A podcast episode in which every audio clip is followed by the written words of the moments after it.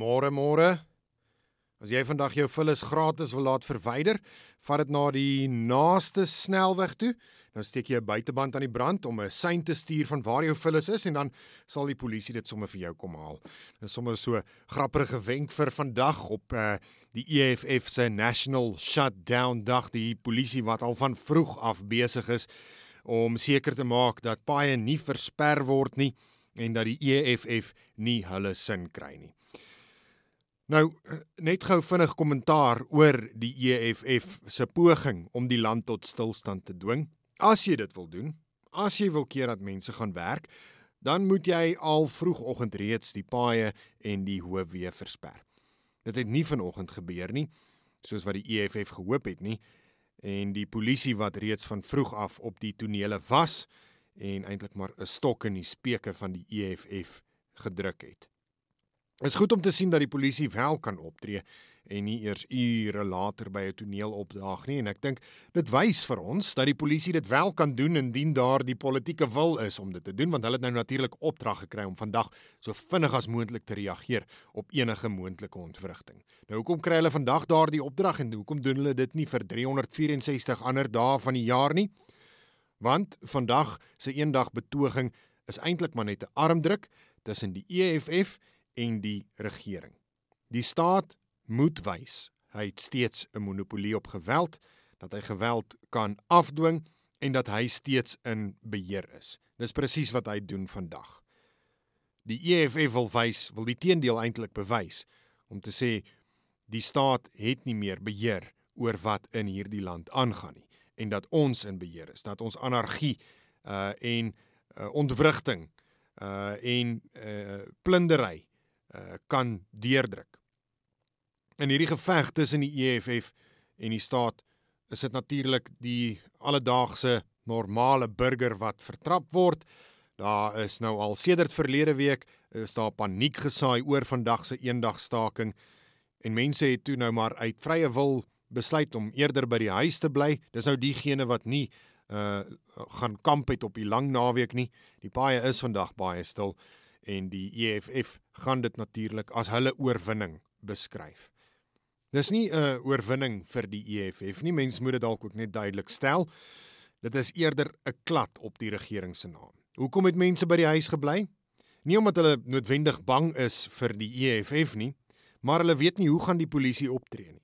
Daar's nie meer vertroue in die Suid-Afrikaanse polisie diens nie en dit is hoekom mense by die huis bly. Die polisie het in die verlede nie opgetree wanneer daar sulke dinge gebeur nie, wanneer mense probeer om te ontwrig nie. En waarom sal hulle dan nou vandag optree? Die polisie wat besluit het vandag is die dag wat ons ons stempel moet afdruk en vir die EFF wys dat ons steeds in beheer is. So Ek dink nie dit gaan noodwendig die uh publiek se vertroue in die polisie herstel nie. Eendag se optrede gaan nie maak dat ons hulle meer vertrou nie en dit wys nie dat hulle noodwendig verbeter nie. Dit wys nie dat hulle weet wat hulle doen nie.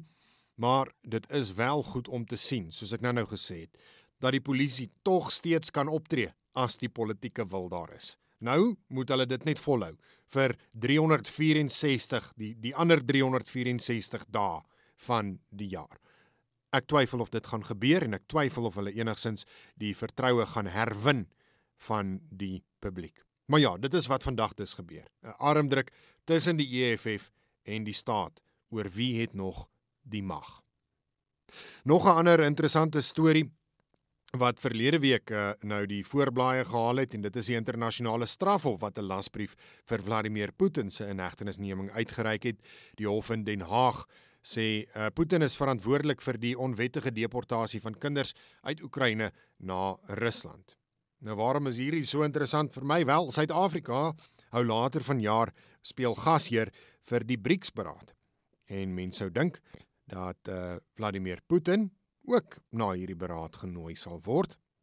Nou Suid-Afrika se gewilligheid om gehoor te gee aan die internasionale strafhof sal dan weer op die proef gestel word wanneer Putin heel moontlik ook hierdie beraad gaan bywoon. Die woordvoerder in die presidentskap, Vincent Magwenya, sê hy wil nie spekuleer oor presies hoe die regering gaan optree nie. Hy sê die uitnodigings vir die BRICS-beraad is nog nie eers gestuur nie. So, hy wil nie sê of Putin hier gaan wees al dan nie. In elk geval, die Rome Statuut is deur Suid-Afrika onderteken en ons het dus 'n regsplig om uitvoering te gee aan daardie lasbrief wat uitgereik is deur die internasionale strafhof.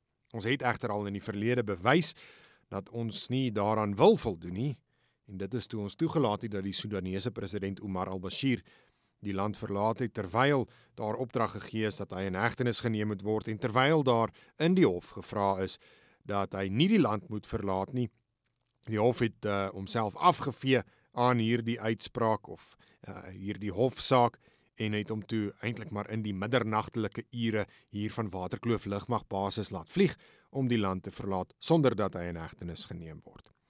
Nou die vraag is gaan Suid-Afrika sy naam verder met 'n plank slaan op die internasionale verhoog of gaan ons dalk die keer bewys dat ons bereid is om saam te werk in die internasionale gemeenskap. Dit gaan nie oor of jy van Putin hou of nie dit gaan oor of Suid-Afrika die regte ding wil doen. Indien nie, dan sal internasionale moondhede se vertroue in die land net verder verbrokkel. Hulle kyk reeds twee keer en wonder oor Suid-Afrika. Jy wil nou nie hê jou handelsvennote moet twee keer dink oor hulle verhouding met jou nie, veral nie gegee die ekonomiese posisie en situasie waarin die land hom tans bevind nie. So dit gaan 'n groot toets ook wees vir Suid-Afrika. Wat doen ons indien Putin wel die BRICS-beraad in Suid-Afrika wil bywoon. En dan net so laastens uh, verlede week Vrydag het uh, die spesiale raadsvergadering waar tydens 'n uh, nuwe burgemeester verkies sou word hier in die Tshwane Metro het platgeval. Dit is na die veelpartytjie koalisie besluit het om daardie vergadering te verlaat. Die spreker wat uh nie wou toelaat en eintlik maar uh toegelaat het dat uh raadslede van Cope asook van Action SA wat uit die partye uh, geskort is en verwyder is, hulle partylidmaatskap is opgesê. Hy het steeds gesê goed, hulle mag deelneem aan die uh, spesiale raadsvergadering en hulle mag stem vir uh, die burgemeester. Die probleem is dis nie 'n algemene verkiesing nie, dis nie 'n munisipale verkiesing nie. 'n Normale burger kan nie daar sit nie. Jou verteenwoordiger vir wie jy gestem het sit daar. Hulle is verwyder as verteenwoordigers van die publiek wat hulle gestem het. Waarom moet hulle toegelaat word om dan steeds 'n stem uit te bring vir 'n burgemeester? En uh die veelpartytjie koalisie wat met reg besluit het ons gaan nie voortgaan met so 'n vergadering indien dit toegelaat word dat daardie mense steeds kan stem nie. Die vergadering het toe nie 'n quorum gehad nie en dit is nou uitgestel na hierdie Woensdag. Dit gee vir Action SA geleentheid om daardie raadslede te vervang met ander raadslede. Dit gee vir Cope natuurlik ook 'n uh, geleentheid om dit te doen. Maar uh, Cope wat reeds uit die veelpartytjie koalisie geskop is en dit het natuurlik nie 'n groot uitwerking op uh, hoe die veelpartytjie koalisie se samestelling gaan lyk komende Woensdag nie. Dit behoort interessant te wees en uh, dit is nog steeds iets wat ek dophou. Maar uh, ja, tot Woensdag dan môre is natuurlik 'n vakansiedag. Vandag staan sterk en onthou moenie dat enigiemand jou intimideer om te doen wat jy wil doen nie. Groete by die huis.